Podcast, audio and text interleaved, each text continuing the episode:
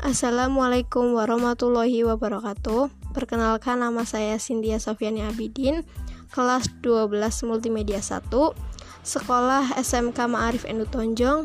Di sini saya mendapatkan tugas membuat podcast. Saya akan menjelaskan tentang materi multimedia.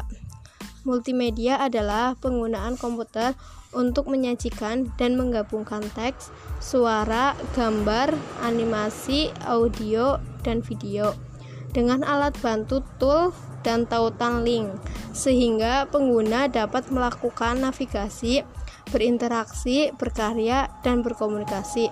Multimedia sering digunakan dalam dunia informatika. Selain dari dunia informatika, multimedia juga diadopsi oleh dunia game dan juga pembuatan web. Ada jenis-jenis multimedia.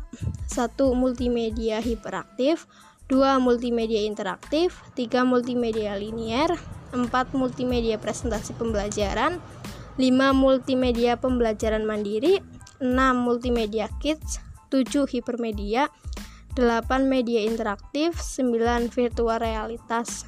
Dan selain jenis-jenis multimedia, terdapat kegunaan multimedia yaitu aplikasi multimedia dalam bisnis digunakan dalam presentasi, pelatihan, pemanasan, dokumentasi produk, katalog, maupun komunikasi jaringan. Dalam presentasi, misalnya multimedia bisa membuat pendengar menjadi lebih bersemangat.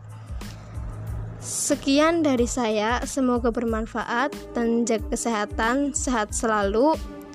Wassalamualaikum warahmatullahi wabarakatuh.